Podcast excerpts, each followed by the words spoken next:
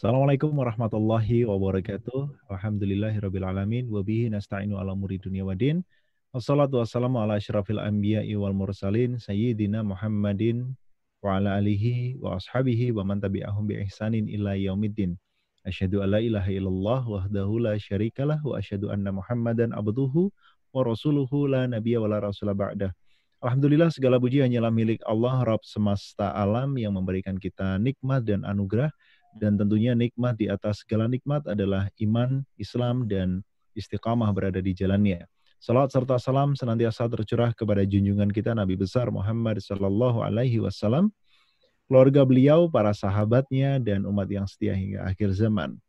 Alhamdulillah pemirsa Khilafah Channel yang dirahmati Allah di kesempatan malam hari ini, hari Jumat tanggal 10 Juli 2020 kita dapat kembali berjumpa di layar kaca tentunya dalam acara kajian online yang diselenggarakan oleh Khilafah Channel setiap harinya pukul 20.00 waktu Indonesia Barat.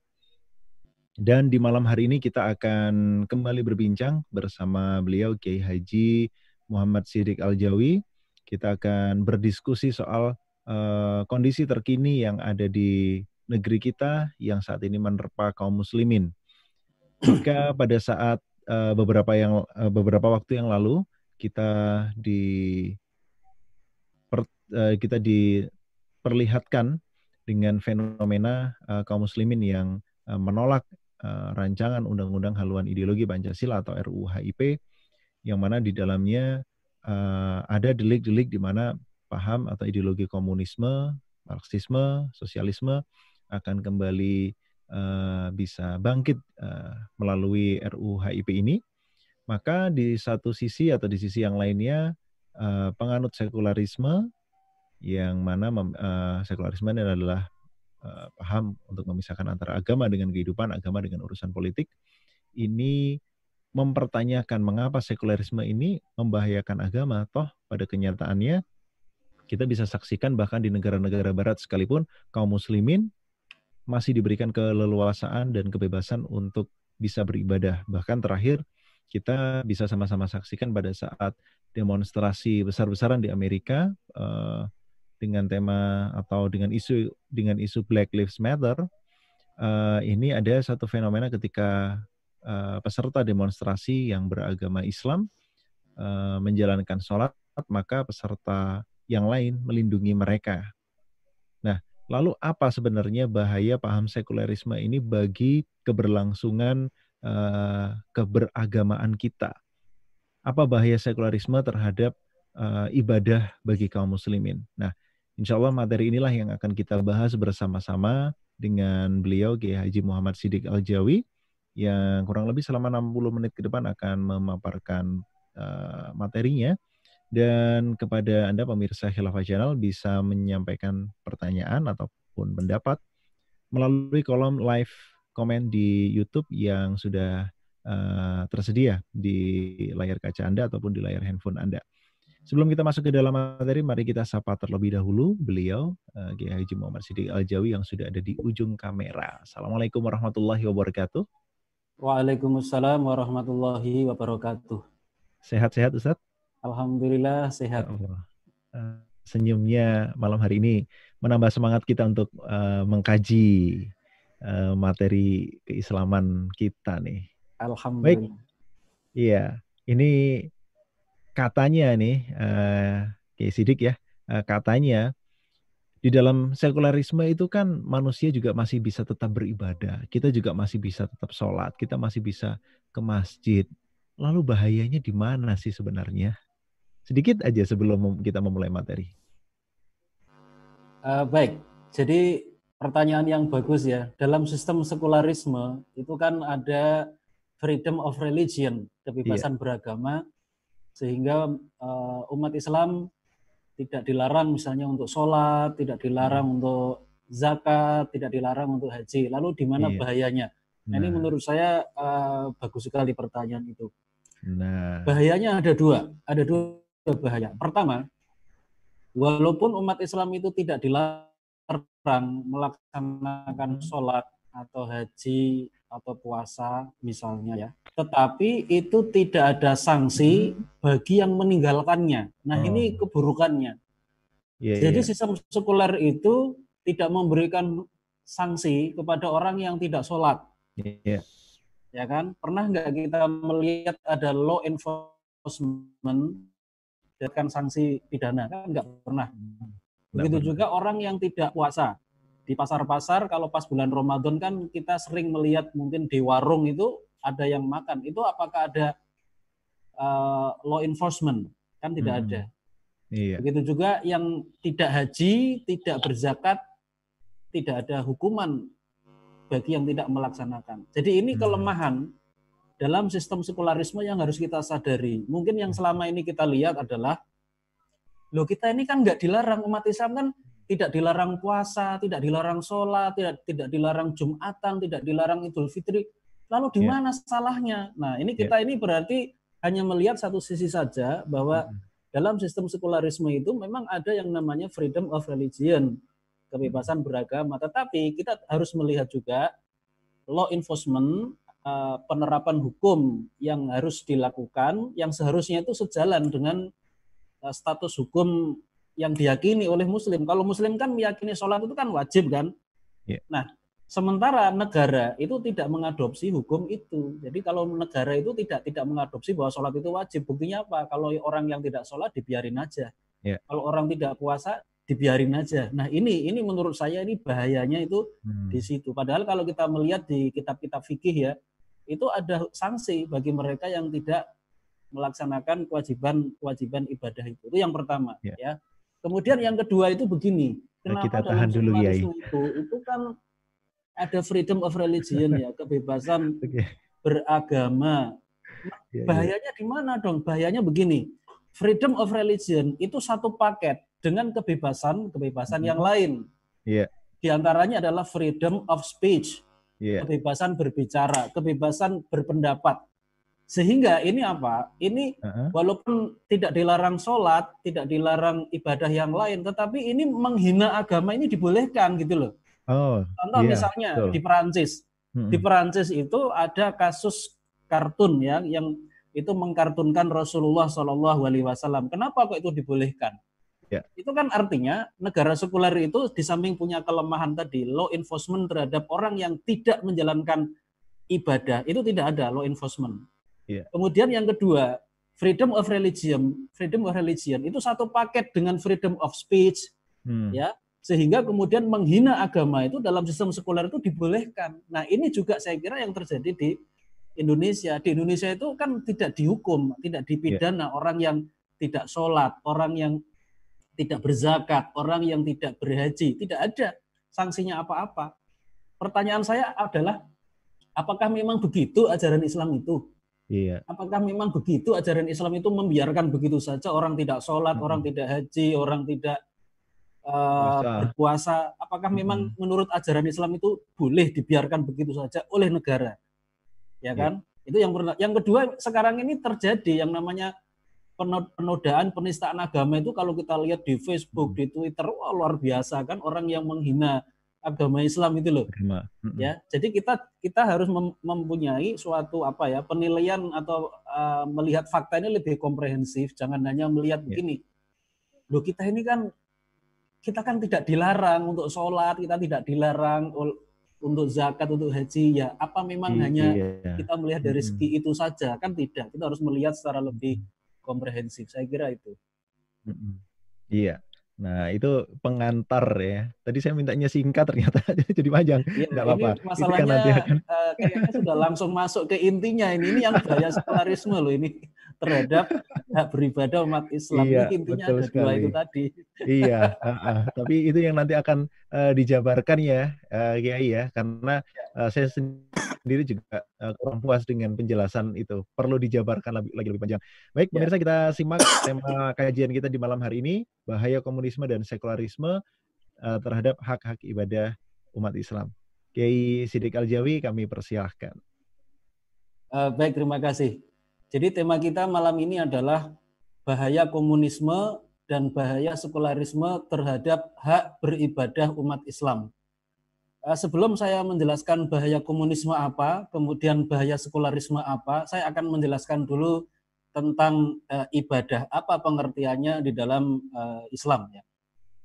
uh, kitab yang saya rujuk ini ada satu kitab yang bagus yang berjudul Dirosat Fil Fikri Al-Islami yang ditulis oleh Syekh Muhammad Hussein Abdullah. Dalam kitab itu halaman 49 itu ada penjelasan tentang terminologi ibadah. Jadi menurut beliau ibadah itu ada dua pengertian. Pertama, ibadah dalam arti umum, kemudian ibadah dalam arti khusus.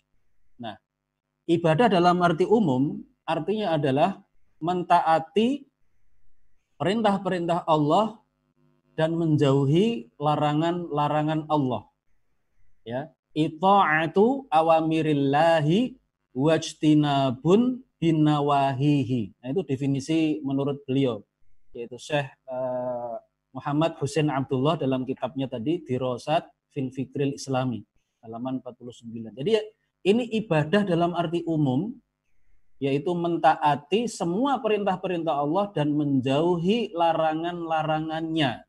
Nah, inilah ibadah dalam arti umum inilah yang ada di dalam firman Allah Subhanahu wa taala di dalam surat Az-Zariyat ayat 56. Eh, Wa ma khalaqatul jinna wal insa illa liya'budun. Tidaklah aku kata Allah, tidaklah aku menciptakan jin dan manusia kecuali agar mereka itu beribadah kepadaku. Ya, itu surat uh, Az-Zariyat ayat 56. Jadi dalam ayat ini Allah Subhanahu wa taala itu menjelaskan ya, apa yang menjadi tujuan goyah ya atau visi seorang manusia itu diciptakan oleh Allah di dalam kehidupan ini. Allah memberikan penjelasan bahwa wa ma khalaqtul jinna wal insa illa liya'budun. Tidaklah aku kata Allah menciptakan jin dan manusia itu kecuali ya agar mereka itu beribadah kepada aku. Nah, ibadah dalam ayat ini itu artinya apa? Itu memiliki arti umum yang tadi sudah saya jelaskan, yaitu mentaati perintah-perintah Allah dan menjauhi segala larangan-larangannya. Dan itulah yang menjadi goyah, menjadi tujuan atau visi hidup kita di dunia. Jadi ketika kita sholat itu adalah ibadah, ya mentaati Allah.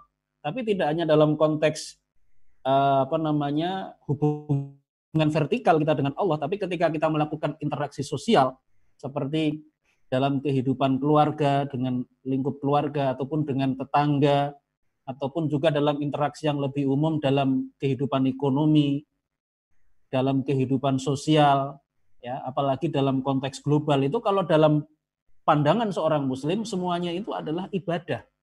Ya, selama ketika dia menjalankan uh, itu semua itu mengikuti ketentuan-ketentuan Allah, perintah-perintah Allah dan itu dijalankan. Kemudian ketika ada larangan-larangan Allah itu ditinggalkan. Nah, ini ini adalah pengertian ibadah dalam arti umum, ya, mentaati perintah Allah dan menjauhi larangan-larangannya. Nah, ada pengertian ibadah yang uh, bermakna khusus. Apa itu pengertian ibadah dalam arti khusus? Pengertiannya adalah al-awamiru wan nawahi asyariyatu al-muta'alliqu bi insani bi rabbih. Jadi yang disebut dengan ibadah dalam arti khusus ini masih menurut Syekh uh, Muhammad Hussein Abdullah itu adalah sekumpulan perintah-perintah syariat dan larangan-larangan syariat yang terkait dengan hubungan antara manusia dengan Allah Subhanahu wa taala. Jadi kalau ibadah dalam arti khusus ini, inilah yang sering disebut dengan istilah ibadah mahdoh atau ibadah murni yang menyangkut hubungan vertikal kita sebagai manusia dengan Allah Subhanahu wa taala. Ada yang sifatnya perintah-perintah, kita diperintahkan misalnya untuk sholat, untuk kita berdoa, tapi juga ada yang berupa larangan-larangan syariah. Ya, misalnya kita dilarang berdoa kepada selain Allah, ya. Kita dilarang menyembah selain Allah. Kan itu ada. Jadi itu termasuk juga bagian dari ajaran Islam.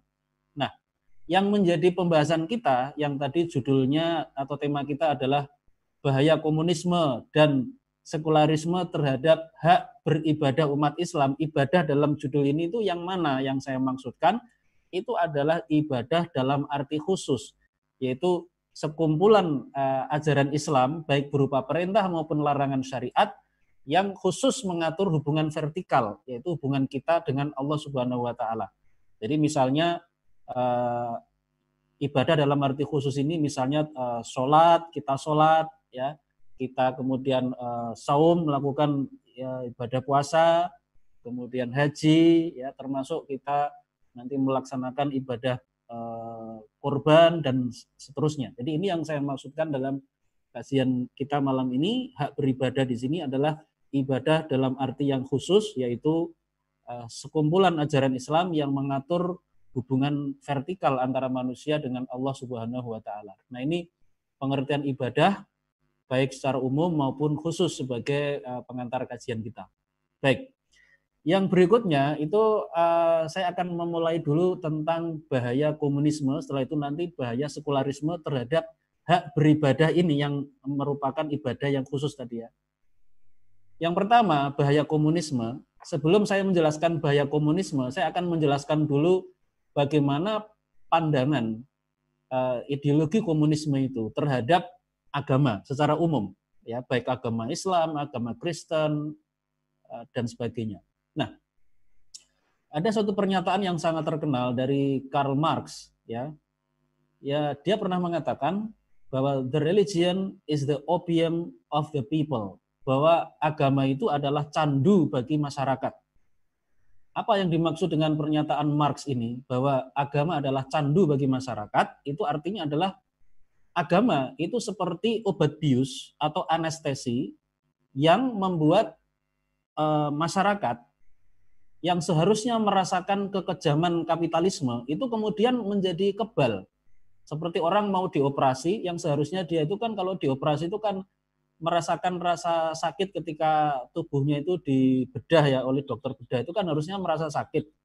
Tapi kan kemudian menjadi tidak merasakan apa-apa. Kenapa? Karena ada obat bius, ada eh, apa namanya anestesi yang dipakai sehingga rasa sakit itu menjadi tidak ter, tidak terasa karena ada obat bius atau anestesi yang dipakai oleh dokter ahli bedah.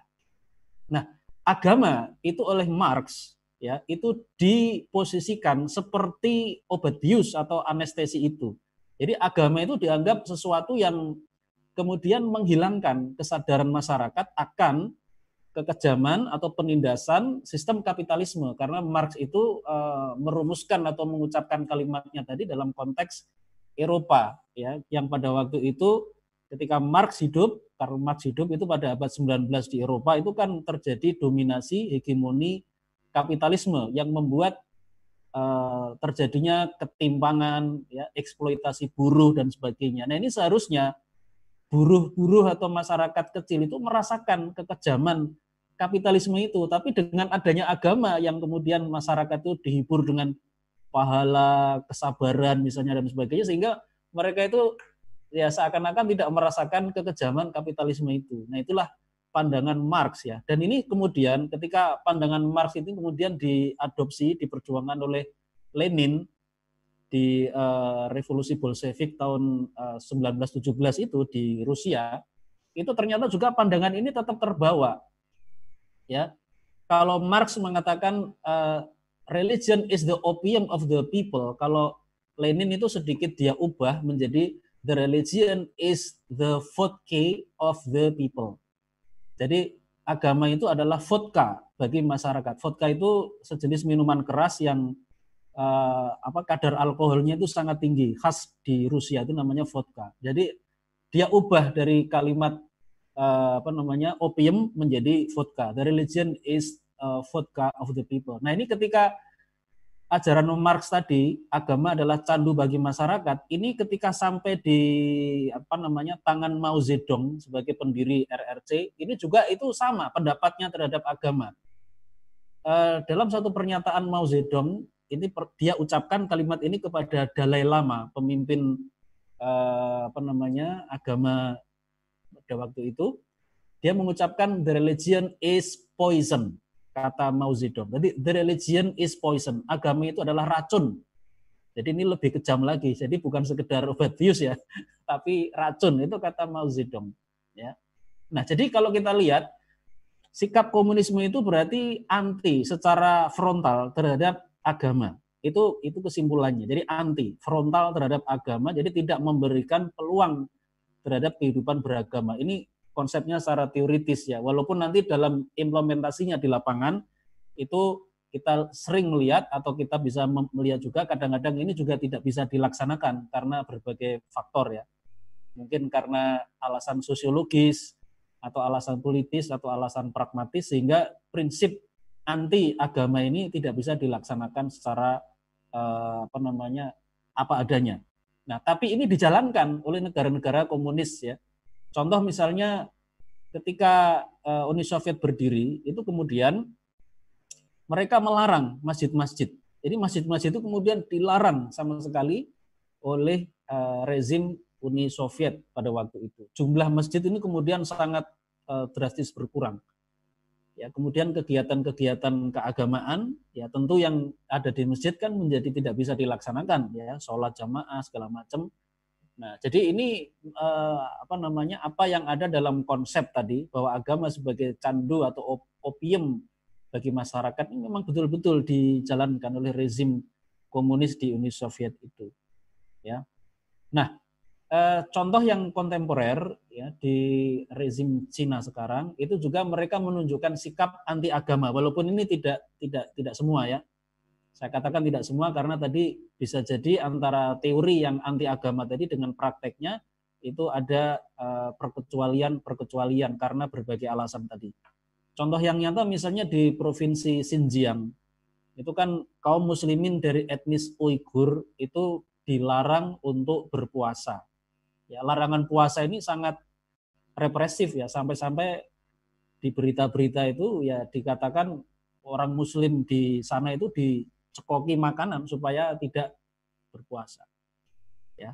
Nah, Berita terakhir yang saya baca di Cina, ini ada beritanya di saya baca di uh, situs Republika pada tanggal 8 Juli tahun 2020. Jadi hanya beberapa waktu yang lalu. Ya, dua hari yang lalu. Itu di RRC, itu di RRC itu sekarang gereja-gereja yang selama ini karena pandemi ini tidak boleh buka. Ini sekarang boleh buka di RRC, sebagian gereja sudah boleh dibuka tapi ternyata pembukaan gereja di RRC itu harus diawali dengan e, menyanyikan lagu kebangsaan Cina, kemudian mengibarkan bendera Cina. Paluarit itu. Kemudian juga harus memuji-muji Presiden Xi Jinping. Nah, ini jadi menjadi suatu pemaksaan apa namanya simbol-simbol negara itu dipaksakan di kehidupan beragama kaum uh, Nasrani di RRC. Nah, jadi ini adalah uh, sebagian bahaya yang muncul dari ideologi komunisme terhadap hak beribadah. Tidak hanya umat Islam ya, tapi juga ini ternyata menimpa juga bahaya komunisme itu kepada penganut agama lain seperti agama Kristen. Nah, sedikit saya tambahkan bahwa bahaya komunisme ini di samping tadi uh, melarang ya Eh, beribadah, ya, kriminalisasi ibadah kalau saya istilahkan, kriminalisasi ibadah. Ini juga ternyata ada eh, apa namanya kalau kasus pengalaman di Indonesia itu juga penghinaan terhadap agama, ya penghinaan terhadap Islam, ya. Di saya baca ini di uh, situs online Republika tanggal 19 Mei tahun 2016 itu ada berita begini. Dulu ketika eh, PKI itu kan mempunyai underbow yang namanya Lekra, Lembaga Kebudayaan Rakyat. Itu sebuah lembaga underbow PKI Partai Komunis Indonesia yang khusus menangani eh, seni. Ya, jadi seni berbagai macam, seni ludruk, seni rupa, seni sastra, semuanya itu diwadahi oleh lembaga eh, namanya Lekra, itu underbow PKI. Nah itu di dalam berita yang tadi saya sebut di Republika Online pada tanggal 19 Mei tahun 2016 itu ada lakon-lakon ludruk ya judul tema dari ludruk ya suatu apa namanya uh, seni tradisional itu itu dengan judul-judul yang sangat menghina agama Islam. Jadi ada judulnya itu misalnya begini. Gusti Allah mantu. Jadi Gusti Allah itu mantu, eh, punya hajat menantu gitu. Ini kan ya ini ya subhanallah. Ini sangat menghina kan agama Islam. Masa Gusti Allah mantu? Kalau mantu kan berarti Gusti Allah itu punya anak yang anaknya itu menikah kan gitu. Ini kan menghina. Terus kemudian ada juga lakon ludruk yang judulnya itu Matine Gusti Allah. Matinya Tuhan. Jadi matinya matine Gusti Allah ini dalam bahasa Jawa, matine Gusti Allah, matinya Tuhan itu adalah salah satu judul lakon ludruk ya, kesenian drama tradisional Jawa ya. Ini ada judul namanya Matine Gusti Allah, matinya Allah. Ya, ini kan suatu apa namanya uh, judul yang sangat menghina agama Islam. Lalu ada lagi judul lakon ludruk itu yang bunyinya sunate malaikat Jibril. Sunate malaikat Jibril itu artinya khitannya atau sunatnya malaikat Jibril. Itu kan sangat kurang ajar sekali kan. Masa orang mengatakan seperti itu kepada uh, malaikat Jibril perlu disunat. Ya. Ini judul-judul yang uh, menghina agama Islam. Ini uh, muncul dari sikap dasar komunisme, komunisme tadi yang memang anti agama menganggap agama ini sebagai racun sebagai racun atau sebagai obat bius yang uh, meninabobokan masyarakat. Nah, ini kita khawatir ya dengan adanya fenomena-fenomena akhir ini yang banyak disinyalir disinyalir oleh para tokoh, para ulama mengenai kebangkitan neokomunisme itu kita sangat khawatir apabila ini kondisi ini kita biarkan, kita tidak melakukan tindakan yang signifikan, kebangkitan neokomunisme itu akan bisa berbuah kepada bahaya terhadap agama kita, bahaya terhadap agama Islam.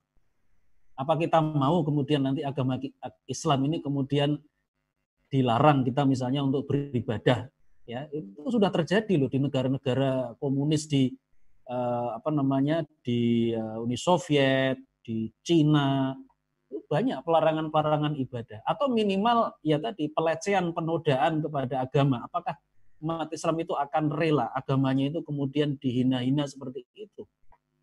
Nah, eh, sebelum saya eh, berpindah kepada bahaya sekularisme, saya ingin menunjukkan satu apa namanya satu satu bukti lah katakanlah begitu. Kalau misalnya ada yang menanyakan kepada saya, Ustadz mengenai kebangkitan neokomunisme apakah menurut Ustadz itu ada atau tidak ada? Karena beberapa waktu yang lalu kan ada video yang beredar seorang tokoh di Jakarta diwawancarai mengenai kebangkitan PKI, ya kan? Apakah bagaimana pendapat Bapak mengenai kebangkitan PKI? Dia menjawab, PKI itu enggak ada, kebangkitan PKI itu tidak ada, kata dia itu. Itu dalam batin saya ini, Masya Allah, ini orang seperti ini berarti kemungkinan dia memang tidak tahu fakta, kemungkinan juga seperti kata Pak Ria Mizar Ria Kudu itu kan pernah ya beliau menyampaikan pidato orang yang menolak PKI tidak ada itu jangan-jangan dia itu adalah PKI itu sendiri gitu. Nah, saya ingin menunjukkan satu bukti bahwa yang namanya kebangkitan neokomunisme itu ada. Nah, ini saya ingin menunjukkan satu uh, buku ya kepada uh, para pemirsa ya. Nggak tahu ini bisa terlihat atau tidak buku ini judulnya Lekra tak membakar buku. Nggak tahu terlihat apa enggak ini. Lekra tidak membakar buku. Nah, ini judulnya. Kelihatan enggak? Ini ini, ini cover ke depan. kanan sedikit. Hah? Geser ke kanan. Lekra tak membakar buku. Nah, ini yang nah, bagian ya. uh, cover depan. Ini kalau cover belakang. Cover belakangnya begini nih. Lekra tak membakar buku. Ini terbitan tahun 2008 ini kumpulan tulisan mengenai kegiatan-kegiatan lekra dulu tahun 60-an. Ada kegiatan lekra di bidang uh, seni drama, kegiatan lekra di bidang seni uh, apa namanya seni rupa, seni sastra macam-macam. Ini editornya namanya Roma Dwi Arya Yuliantri dan Muhyiddin M Dahlan. Nah, ini yang menarik ini cover yang bagian depan, cover bagian depan ini kalau saya tanya kepada uh, apa namanya moderator ini Gambarnya apa? Saya mau tanya dulu. Anda melihat nggak ini ada gambar apa? Tolong ini dilihat, diamati baik-baik. Ini ada gambarnya nggak? Anda bisa melihat gambarnya? Tidak kelihatan. Cuma Tidak kelihatan. Gitu ini ini ya. ini saya jelaskan. Ini palu arit. Ini sekali hmm. lagi saya katakan, ini paluarit, tetapi ini sengaja covernya itu dibuat putih warnanya, tetapi hmm. ini adalah timbul. Timbul itu emboss ya, kalau istilah ya, timbul atau ya. emboss. Ini paluarit ini. Jadi ini oh. ini aritnya. Ini lihat ini tangan saya mengikuti gambar ini. Embossnya. Ini ya? arit ini. Nah, ini tangan saya ini ini gagang arit, ini kalau ke sini ke atas ya, ini ujung arit. Ini kalau hmm. dilihat mungkin tidak tidak terlihat, tapi ya, kalau tidak, diraba tidak itu ini timbul, timbul ini. Lalu di sini ini gambar palu, ini uh, tangkai, gagang palu, ini hmm. uh, kepala palunya. Hmm. Ini palu arit. Palu arit itu lambang apa kalau saya tanya? Komunis. Kan itu lambang PKI. Kenapa ya. lambang PKI itu bisa ada di sebuah buku seperti ini? Ini terbitan Jogja tahun 2008 menjelaskan kegiatan-kegiatan Lekra tahun 60-an ini buku ini, ini saya miliki. Saya punya ini, dari saya peroleh dari seorang teman. Ini coba, ini lambang hmm. apa paluarit itu? Saya tanya. Yeah. Jadi saudara-saudara, para pemirsa, kalau bagi saya, bagi saya, kebangkitan neokomunisme itu adalah nyata.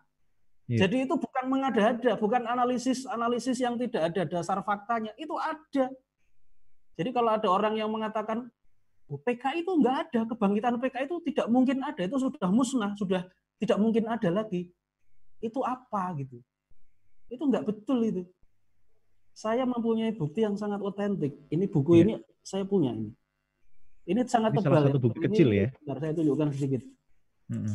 Buku Mungkin, ini sangat tebal, 500 isinya? sekitar 580 halaman ini buku ini. Ini sangat oh. tebal sekali.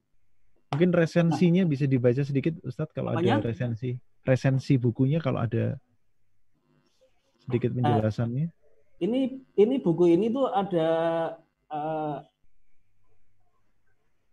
kalau resensinya di sini nggak ada. Maksudnya kalau yang oh, bagian di... belakang ini ada kalimat begini. Buku ini merupakan buku putih yang hmm. menjelaskan apa adanya kerja-kerja kreatif yang dihasilkan oleh para pekerja kebudayaan lekra dengan seluruh aliansi ideologinya, termasuk Partai Komunis Indonesia atau PKI. Oh. Jadi ini ada kalimatnya begitu. Iya, iya. Dan iya. ini mohon maaf ya, ini ada endorsement. Hmm. Endorsement itu semacam dukungan terhadap buku ini. Iya. Ini oleh Profesor Dr. Safi Ma'arif. Jadi Pak Safi hmm. Ma'arif memberikan endorsement terhadap buku ini. Yeah. Buku tentang lekra yang ada gambarnya Paluarit. Paluarit ya itu ada di sini ya oke ini jadi ini saya punya bukti yang sangat otentik jadi kalau ada orang mengatakan tidak ada itu PK itu tidak mungkin ada itu sudah musnah nah itu menurut saya itu orang yang tidak paham fakta atau mungkin sengaja menyembunyikan fakta itu sangat bahaya sekali orang-orang semacam ini bahaya sekali yeah. jadi itu yang pertama ya tentang bahaya komunisme terhadap ini tadi sudah rame Yai kenapa di kolom komentar YouTube kita sudah rame banget ini karena ada yang mengatakan PKI sudah musnah, PKI sudah nggak ada, udah udah nggak ada dan lain sebagainya begitu. Nah ini langsung dijawab oleh beliau ya. Ini jadi pemirsa bukti otentik sudah ada. Nah uh, monggo uh, ya Baik ya. Jadi itu nanti bisa kita diskusikan. Oke. Tapi mungkin sedikit saya tambahkan begini ya. Uh, di Jogja khususnya, saya nggak tahu di tempat lain karena saya hidup di Jogja pada tahun 2000 2000-an pertengahan sekitar 2004 2005 waktu itu saya karena ada uh, kebutuhan dakwah jadi saya ingin mempelajari pemikiran-pemikiran marxisme komunisme saya berusaha mencari literatur-literatur uh, yang yang ada nah ternyata dari seorang teman saya memperoleh literatur-literatur terbitan PKI itu ada ada ada apa namanya buku-bukunya, fotokopian yang itu terbitan PKI.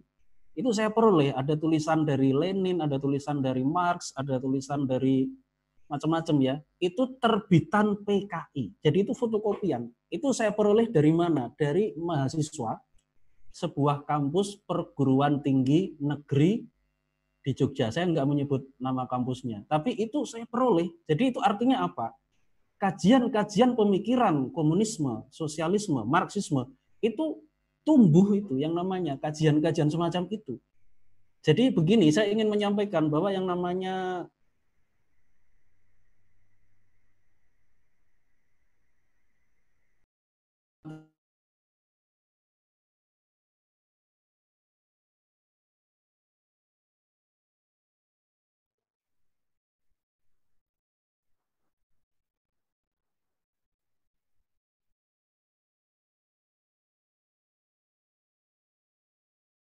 Brezhnev karena dia mengalami kekalahan ideologi, kekalahan uh, strategi militer ketika melawan Amerika Serikat di bawah kepemimpinan Ronald Reagan misalnya. 91 eh, bukan Leonid Brezhnev salah saya. Gorbachev ya. Uh, apa namanya? Kematian uh, ideologi itu itu berbeda dengan kematian makhluk hidup dalam biologi. Kematian ideologi itu sifatnya itu reversible. Dia bisa membalik kembali. Bisa muncul kembali gitu loh. Jadi kalau orang mengatakan oh sudah musnah, sudah musnah gimana? Yang yang yang namanya ideologi itu kan keyakinan. Kalau orang itu masih meyakini ya berarti itu masih hidup kan, walaupun itu negaranya sudah hancur atau misalnya pengaruhnya tidak bisa lagi ke muka publik karena ada tindakan hukum yang akan dialami oleh uh, orang itu kan yang penting masih ada yang meyakini mengkaji kemudian apalagi tadi membuat simbol-simbolnya muncul kembali paluarit itu berarti tanda bahwa itu masih ada gitu loh. Ya, jadi kalau disebut musnah tidak ada lagi itu menurut saya itu tidak sesuai dengan fakta, itu tidak sesuai. Ya, saya mempunyai buktinya ini berarti saya mempunyai bukti dari sumber kalau dalam istilah ilmiah itu ini namanya data primer. Saya melihat sendiri, mengalami sendiri, bukan data sekunder. Saya hanya baca di koran atau baca di internet tidak. Ini bukan data sekunder, data primer gitu. Ya, oke. Okay. Kemudian yang kedua, apa bahaya sekularisme terhadap hak beribadah umat Islam? Nah, tadi sudah saya jelaskan. Sekularisme itu memang memberikan freedom of religion, kebebasan beragama kepada eh, apa namanya penganut suatu agama di sebuah negara. Jadi oleh karena itu memang yang namanya sekularisme itu eh, berbeda dengan komunisme yang kalau komunisme itu memang sejak awal itu memberikan atau mempunyai sikap yang negatif, sikap anti kepada agama. Tapi kalau sekularisme itu tidak. Jadi sekularisme itu hanya menghendaki agama itu tidak tidak berperan secara politik. Jadi agama yang dikehendaki itu adalah agama non politik. Jadi kalau agama itu sudah digunakan atau agama itu sudah berpolitik, itu itulah yang baru akan ditentang oleh sekularisme. Jadi sekularisme itu tidak menentang agama selama agama itu diperankan pada wilayah-wilayah non politik, misalnya e, ibadah atau akhlak. Itu tidak akan ada e, perlawanan atau tindakan dari sekularisme. Tapi sekularisme itu akan sangat anti ketika agama itu kemudian ingin diwujudkan dalam bentuk politik, baik itu dalam arti aksi-aksi politik atau kebijakan politik, apalagi kemudian diwujudkan dalam bentuk sebuah negara yang berlandaskan agama tertentu. Itu bagi penganut sekularisme itu akan sangat anti kepada uh, gerakan atau pemikiran mendirikan sebuah negara berdasarkan agama tertentu. Itu orang sekular itu akan sangat anti terhadap itu. Kenapa? Karena mereka mempunyai trauma sejarah yang panjang. Tapi ini sejarah Eropa, bukan sejarah Islam. Sejarah Eropa yang panjang itu memang mengajarkan kepada mereka bahwa di Eropa itu ketika agama dan negara itu menjadi satu, itu menimbulkan keburukan-keburukan yang sangat luar biasa kepada masyarakat. Tapi saya ingatkan ini sebenarnya trauma sejarah itu adalah trauma Eropa ya. Trauma sejarah Eropa, bukan trauma dalam sejarah Islam. Dalam sejarah Islam itu tidak seperti itu, walaupun uh, ada penyimpangan-penyimpangannya, tetapi tidak seperti dalam sejarah Eropa. Oke, kembali pada yang ingin mau saya jelaskan bahwa bahaya sekularisme itu ada dua. Yang pertama itu adalah walaupun sekularisme itu memberikan kebebasan beragama, tetapi sekularisme itu tidak menghukum, tidak tidak ada law enforcement, penegakan hukum kepada orang yang meninggalkan ibadah yang sifatnya wajib. Contoh misalnya sholat. Sholat itu kalau menurut uh, norma ajaran Islam itu adalah wajib ya. Tetapi kalau dalam sistem atau dalam masyarakat yang menganut sekularisme, orang mau sholat silahkan, tidak dilarang kan. Nah kelihatannya itu bagus. Tetapi ketika orang tidak sholat, pertanyaannya, apa yang akan dilakukan oleh pemerintah atau negara kepada orang yang tidak sholat? Nah ini perbedaannya negara yang menganut sekularisme dengan negara yang eh, mengadopsi sekular, mengadopsi syariah Islam itu akan berbeda. negara yang mengadopsi sekularisme itu membiarkan orang yang tidak sholat. Orang yang tidak sholat dibiarkan. Apa landasan argumen mereka? Freedom of religion, kebebasan beragama. Ya, tapi kalau dalam masyarakat Islam, masyarakat yang mengadopsi syariah Islam untuk dijalankan hukumnya dalam konteks bernegara, itu akan menghukum orang yang meninggalkan sholat. Jadi kalau orang yang tidak sholat, itu nanti apabila dia melakukan ini di muka publik tentunya ya, bukan dalam rumah pribadi dia nggak sholat. Ini dalam kehidupan publik diketahui seseorang itu tidak sholat, itu bisa menjadi sebuah uh, persoalan hukum nanti akan ada proses-proses peradilan yang akan dijatuhkan kepada orang yang tidak menjalankan sholat. Nah ini bedanya masyarakat Islam yang menjalankan syariah Islam dengan masyarakat yang mengadopsi sekularisme. Jadi kalau sekularisme itu memang memberikan kebebasan beragama, freedom of religion, tapi dalam persoalan ketika sebuah agama yang wajib, eh, sebuah ibadah yang wajib dijalankan seperti sholat, ketika tidak dilakukan, itu apa tindakannya. Nah di sini nggak ada tindakan apa-apa. Nah ini beda kan dengan sebuah peraturan yang itu kemudian negara mengadopsi itu wajib. Itu kalau negara mengadopsi sesuatu itu wajib, pasti ada sanksinya kan gitu. Contoh misalnya memakai helm.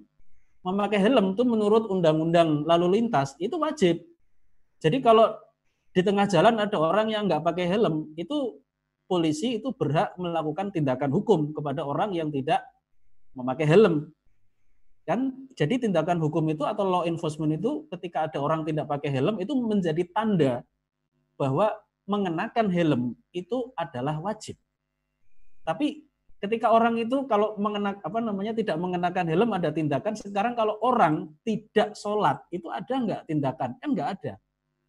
Berarti kalau menurut hukum negara menurut hukum negara, sholat itu tidak wajib sebenarnya. Kalau menurut agama Islam wajib dan semestinya negara itu hukum yang diadopsi untuk law enforcement itu konsisten sejalan. Jadi menurut keyakinan rakyat sholat itu wajib, semestinya negara itu juga menjadikan kewajiban sholat itu sebagai hukum sehingga kemudian ketika ada rakyat yang tidak menjalankan sholat itu negara melakukan tindakan hukum kepada mereka. Nah ini ini Islam itu seperti itu ya. Nah, tapi kalau sekularisme itu tidak. Nah, itu sama dengan hukum-hukum yang lain, hukum ibadah lain yang sifatnya wajib, misalnya puasa. Puasa di Indonesia itu tidak dilarang, itu freedom of religion. Tapi kita harus melihat yang lebih lengkap. Bagaimana kalau orang itu tidak puasa? Apakah ada tindakan? Jawabannya tidak. Bagaimana kalau dalam Islam? Dalam Islam, kalau orang di muka publik menunjukkan diri bahwa dia tidak berpuasa, dan tidak ada alasan syar'i atau udur syar'i yang membolehkan dia tidak puasa. Misalnya kalau orang itu sakit atau dalam perjalanan kan musafir, itu kan memang boleh kan nggak puasa. Ini orang tidak mempunyai udur syar'i atau alasan syar'i, dia makan pada siang hari bulan Ramadan dan itu di muka publik. Apa coba? Tindakan hukum pada orang seperti itu. Kalau dalam Islam itu tidak bisa dibiarkan saya membaca satu kitab yang menarik yang ditulis oleh Syekh uh, Wahbah Az-Zuhaili. Ini sedikit saya sampaikan.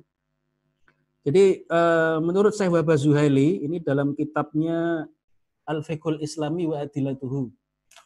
Juz 6 halaman 765 766 itu beliau mengatakan bahwa pelaksanaan ibadah mahdoh itu nanti dijaga oleh yang namanya muhtasib. Jadi muhtasib itu adalah hakim, ini bagian dari sistem peradilan Islam, hakim yang nanti akan mengawasi masyarakat. Jadi kalau ada di tengah masyarakat yang misalnya tidak sholat, atau di tengah masyarakat ada yang tidak puasa, itu ada kodi atau hakim yang akan melakukan tindakan. Nah itu namanya muhtasib. Nah itu contoh bagaimana ketika sebuah uh, ajaran Islam ya yaitu dalam hal ini uh, ibadah ya ketika ditinggalkan itu kalau Islam itu ada sikap nah itu tadi ada satu rujukan yang saya tunjukkan dalam kitab Al-Fiqhul Islami wa Adilatuhu yang ditulis oleh Syekh Wahbah Zuhaili pada juz yang ke-6 halaman 765 eh, 766. Tapi bagaimana dalam sistem sekuler ketika orang itu tidak berpuasa? Apakah ada tindakan? Tidak ada. Nah, di sinilah bahaya sekularisme. Itu yang pertama. Bahaya yang kedua, seperti tadi sudah saya sampaikan, dalam sekularisme itu, freedom of religion itu satu paket dengan kebebasan-kebebasan yang lain. Di antaranya adalah freedom of speech, kebebasan berbicara kebebasan berpendapat. Yang ini dalam prakteknya, kalau untuk umat Islam, itu adalah bentuknya pelecehan atau penodaan agama. Tadi saya contohkan yang terjadi di Perancis. Ada kartun dari uh, Nabi Muhammad SAW. Di Indonesia apakah apakah ada di media? Ada.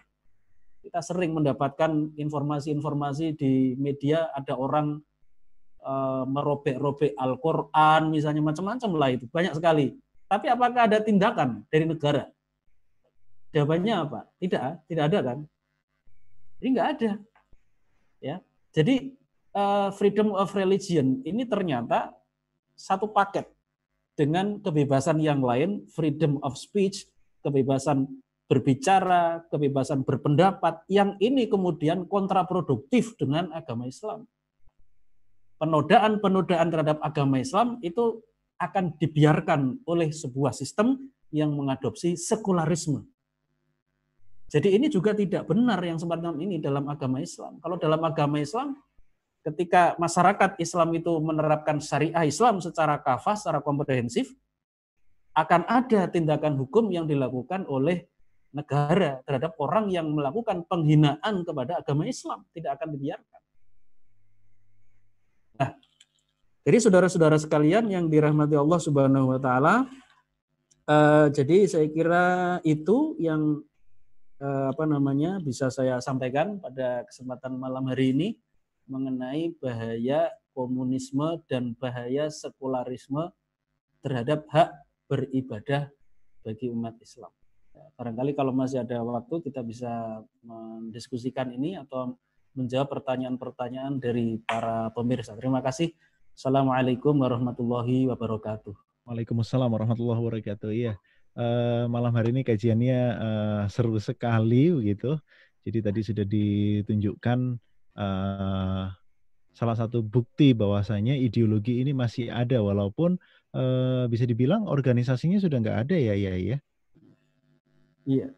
Jadi walaupun organisasinya sudah nggak ada, partainya udah nggak ada, PKI-nya sudah nggak ada, tapi ternyata masih uh, bisa dirasakan uh, keberadaan atau mungkin benih-benih tumbuhnya ideologi ini karena memang ideologi tadi sudah disampaikan oleh Yai Sidik nggak akan pernah mati begitu bisa uh, berkembang kapan pun. Kalau uh, di tahun 2000-an uh, ke atas artinya ke ke sini di masa-masa ini uh, ada atau tidak Yai uh, negara yang memang benar-benar menerapkan ideologi komunis uh, sosialis ini? Ya sebenarnya masih ada, tetapi tidak murni lagi. Jadi negara-negara yang menerapkan komunisme itu kalau pertanyaannya masih ada apa tidak ya sebenarnya masih ada. Cuma memang kemudian ada uh, apa namanya modifikasi, modifikasi ada adopsi-adopsi yang mengakibatkan tidak murni komunisme. Jadi seperti di RRC itu, kalau untuk urusan uh, politik dalam negeri, termasuk urusan kepartean, urusan kekuasaan, itu masih menerapkan komunisme. Tapi kalau dalam bidang ekonomi, apalagi ekonomi internasional, hmm. itu mereka kapitalis juga gitu. Jadi uh, negara RRC itu juga kemudian menempuh Eh, cara-cara kapitalistik di dalam kegiatan perekonomian, termasuk uh, ketika kegiatan perekonomian itu dilakukan oleh RRC untuk konteks global ya. Saya kasih contoh. RRC itu punya program yang namanya OBOR, uh, One Belt One Road ya. Hmm. Nah, itu itu adalah program untuk membangun infrastruktur seperti pelabuhan ataupun bandara yang nanti itu untuk kepentingan perdagangan Cina. Yang itu nanti akan membentang dari Cina sampai kemudian Asia Tenggara, terus nanti Asia Tengah, terus sampai kemudian nanti ya itu jalur yang dulu dalam sejarah disebut dengan Silk Road ya jalur sutra. Nah, bagaimana obor itu dilakukan oleh Cina. Ternyata Cina itu modus modusnya itu adalah dengan memberikan pinjaman kepada negara-negara yang setuju kepada proyek One Belt One Road itu. Nah, pinjaman itu ada bunganya. Bunganya itu kalau tidak salah sekitar 6% per tahun untuk nilai pinjaman yang diberikan oleh Cina kepada negara yang setuju dengan proyek obor ini untuk membangun infrastruktur. Nah, ini kan sebenarnya cara-cara kapitalistik. Jadi cara kapitalistik itu untuk melakukan dominasi itu cara yang mereka temui itu adalah dengan melalui pinjaman atau utang luar negeri. Itu cara kapitalis. Ada satu buku yang pernah saya baca, judulnya itu Kapitalisme Dulu dan Sekarang. Ya. Itu buku buku lama, terbitan LP3ES ya. Editornya uh, Profesor Dawang Raharjo. Dalam buku itu, itu kapitalisme dulu dan sekarang, itu kumpulan tulisan, kumpulan tulisan dari para para ahli, para pakar menjelaskan tentang bagaimana ideologi kapitalisme itu bekerja. Nah, dalam buku itu ada satu kutipan dari uh, apa namanya Presiden John F Kennedy ya. bahwa utang luar negeri itu adalah cara yang digunakan oleh Amerika Serikat untuk mendominasi negara lain. Itu secara secara jelas itu ada pernyataan John F. Kennedy yang dikutip dalam buku itu bahwa utang luar negeri itu merupakan cara yang ditempuh oleh Amerika Serikat untuk mendominasi negara lain. Nah, apa bedanya dengan Cina sekarang yang menjalankan proyek obor? Itu sama, itu cara-cara kapitalistik gitu.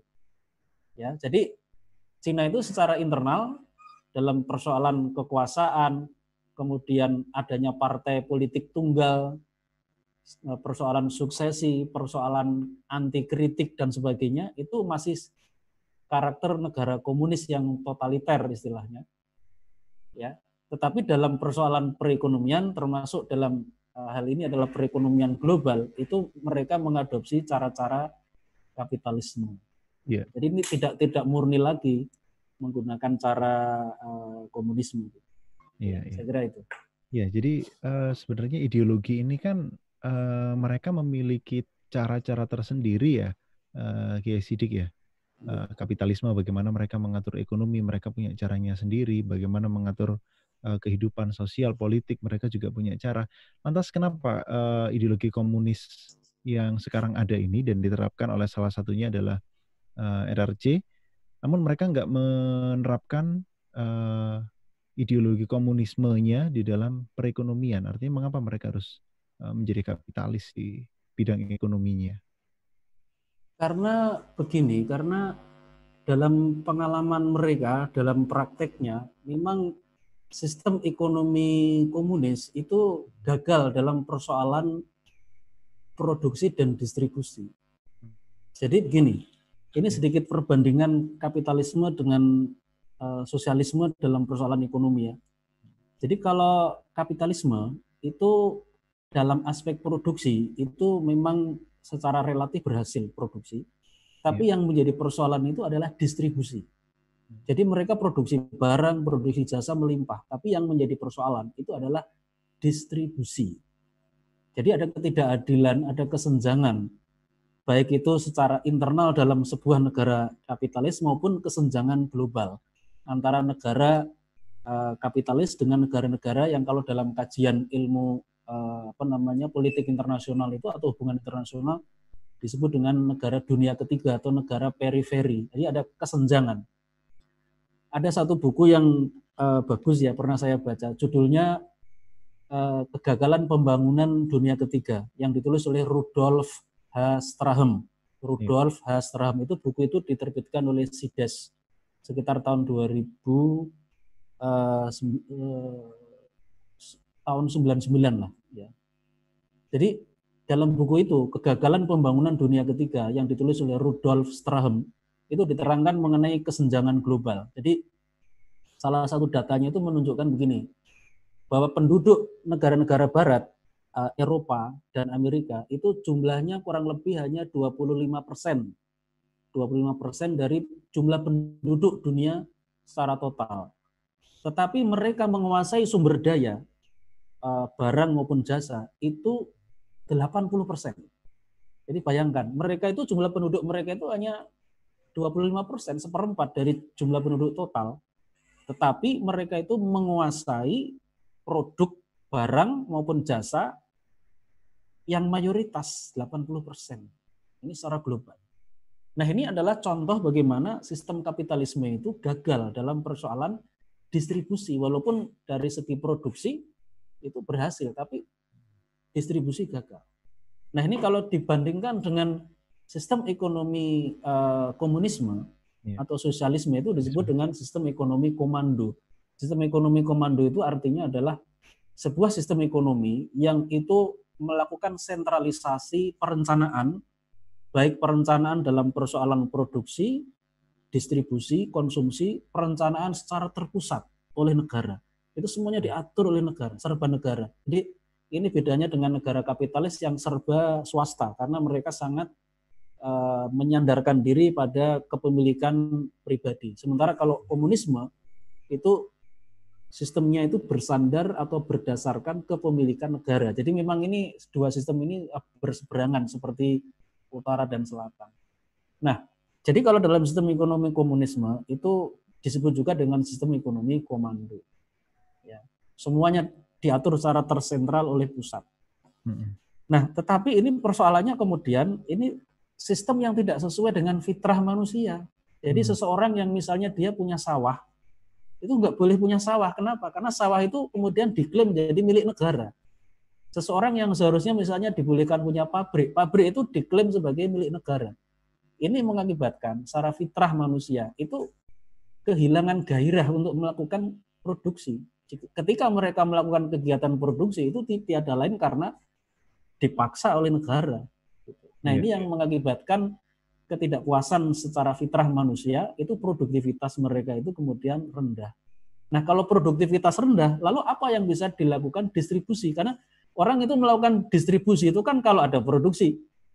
Ketika produksi tidak berhasil, berarti distribusi juga tidak berhasil. Yeah. Nah, itu teorinya seperti itu. Nah, jadi uh, oleh karena itu nampaknya ini negara-negara sosialis komunis itu menyadari kelemahan itu bahwa sistem ekonomi sistem ekonomi kap, uh, komunis itu yang me menghilangkan ya kepemilikan pribadi itu kemudian sedikit demi sedikit mereka modifikasi hmm. kemudian uh, diberikan kesempatan kepada swasta supaya berkembang seperti halnya kapitalis. Iya. Jadi saya kira itu. Iya, ya baik, uh, Yai. Uh, itu tadi terkait jadi mengapa negara komunis seperti RRC pun itu dalam segi ekonominya harus menjalankan ekonomi kapitalis. Nah, uh, ini mungkin menjadi pertanyaan terakhir kita ya di uh, sesi kajian kali ini. Nah, ini banyak yang penasaran juga. Nah, kalau kapitalisme seperti yang sudah dijelaskan tadi, termasuk sekulerismenya, sosialisme dan komunisme juga sudah dijelaskan. Kalau Islam bagaimana? Nah, sabar. Itu nanti akan dikupas di uh, kajian yang lain di waktu yang lain. Nah, uh, terkait dengan komunisme yang saat ini menjadi bahaya laten, akan tetapi kapitalisme ini sudah menjadi bahaya yang nyata di tengah-tengah kita. Sebagaimana tadi Kiai Sidik jelaskan, mungkin kalau boleh saya ambil uh, ringkasnya, seakan-akan kapitalisme ini memberikan kebebasan untuk beragama, tapi di uh, satu sisi ternyata uh, sangat mengkebiri urusan ibadah kita kepada Allah Subhanahu wa taala. Lalu solusinya bagaimana mengatasi bahaya kapitalisme sekuler yang saat ini kita hadapi, Ustaz? Ya, caranya begini, secara garis besar itu ada dua ya. Yang pertama, hmm. kita harus uh, memberikan kritik terhadap sistem sekularisme sekarang. Ya, hmm. kritik itu harus ada. Tetapi kritik itu kemudian harus ada upaya yang kedua, yaitu memberikan solusi alternatif. Nah, sebenarnya hmm. itu upaya upaya dakwah kan eh, langkah dakwah kan secara umum begitu. Yeah. Ya, jadi ada sesuatu yang tidak kita sepakati ini uh, atau bertentangan dengan Islam, ini sesuatu hmm. yang untuk dihapuskan. Tapi begitu sesuatu itu dihapuskan, kan itu yang menjadi pertanyaan lalu apa gantinya, apa alternatifnya? Yeah. Nah di situlah Islam itu memberikan penjelasan alternatifnya itu gini loh. Nah hmm. jadi kepada sistem yang ada sekarang, sekularisme, kemudian kapitalismenya, ini harus tetap kita berikan kritik-kritik ya. Tapi kritik ini sifatnya intelektual ya.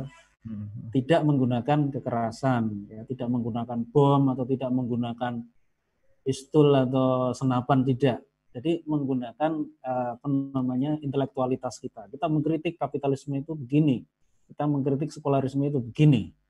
Nah, tapi setelah kita kritik, itu apa gitu yang seharusnya dilakukan oleh umat Islam. Nah, di situlah ada langkah kedua, yaitu kita menjelaskan Islam itu yang seperti apa. Nah, tapi saya kira dalam forum ini tidak cukup ya saya menjelaskan ya, itu atau ya. mungkin nanti akan dijelaskan oleh ustadz-ustadz lain dalam program Khilafah Channel. Saya kira nanti ya. akan uh, terjadi sinergi yang cukup bagus ya. Ada yang mengkritik, mungkin ada ustadz lain yang memberikan uh, alternatif atau solusinya. Saya kira itu. Terima kasih. Iya. Iya, Ki Sidik, uh, saya langsung menggarisbawahi uh, italik dimerahin begitu uh, pernyataan uh, ya Sidik terkait kalau kapitalisme tadi sudah uh, merugikan, sosialisme juga nggak sesuai dengan fitrah manusia. Kemudian ada ucapan kalau Islam gini loh. Nah gini loh-nya ini kayaknya ditunggu oleh uh, banyak pemirsa. Bagaimana Islam ini benar-benar bisa menjadi sebuah sistem yang memanusiakan manusia dan memberikan hak-hak uh, yang proporsional, artinya sesuai dengan fitrah manusia uh, dalam menjalani kehidupan. Nah, insya Allah Eh, tema-tema yang semacam ini akan kita kupas lagi di kajian-kajian Khilafah Channel. Eh, entah nanti apakah uh, lewat Yai Sidik ya, tapi harapan saya lewat uh, Yai Sidik uh, supaya hari Jumat kita, Jumat malam kita tambah seru nih.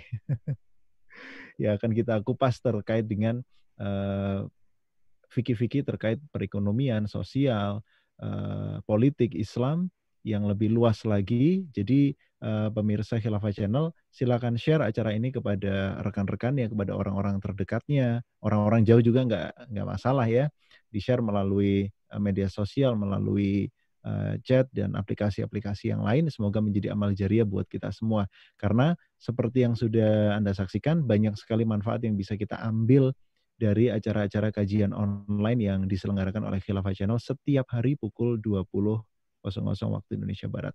Dan sayang sekali kajian kita juga harus uh, berakhir di kesempatan malam hari ini. Insya Allah uh, pertanyaan-pertanyaan yang belum terjawab termasuk pertanyaan gimana Islam memberikan solusinya. Tadi Yai Sidik sudah memberikan kode gini loh. Nah itu insya Allah kita tunggu di lain kesempatan ya. Terima kasih jazakumullah asal jaza kepada Yai Haji Muhammad Sidik Al-Jawi yang sudah mencerahkan kita uh, di, di malam hari ini. Kemudian tadi juga sudah menunjukkan bukti A1-nya gitu. Dan memang saya uh, barusan tadi langsung cross check di salah satu marketplace memang buku itu dijual ya jadi uh, memang ya memang ada. Kalau mengatakan uh, komunisme itu udah bener-bener gak ada itu ya kayaknya uh, pikniknya kurang jauh baca bacanya kurang jauh gitu ya. Uh, terima kasih juga kepada pemirsa Khilafah Channel yang sudah memberikan atensinya, sudah memberikan keluangan waktunya untuk menyaksikan kajian-kajian uh, yang diselenggarakan oleh Khilafah Channel. Akhirul kalam, saya Ahmad Adiasta pamit undur diri dan mewakili segenap kru yang bertugas malam hari ini mengucapkan mohon maaf atas segala khilaf. Idina suratul mustaqim, bila taufiq wal hidayah. Wassalamualaikum warahmatullahi wabarakatuh.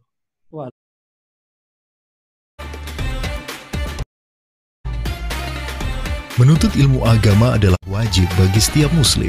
Di zaman ini, kita dapat melakukannya kapan pun dan di mana pun. Meski masa pandemi sedang berlangsung, tetapi tak ada alasan untuk tidak menambah kapasitas diri dengan Sakofa Islam.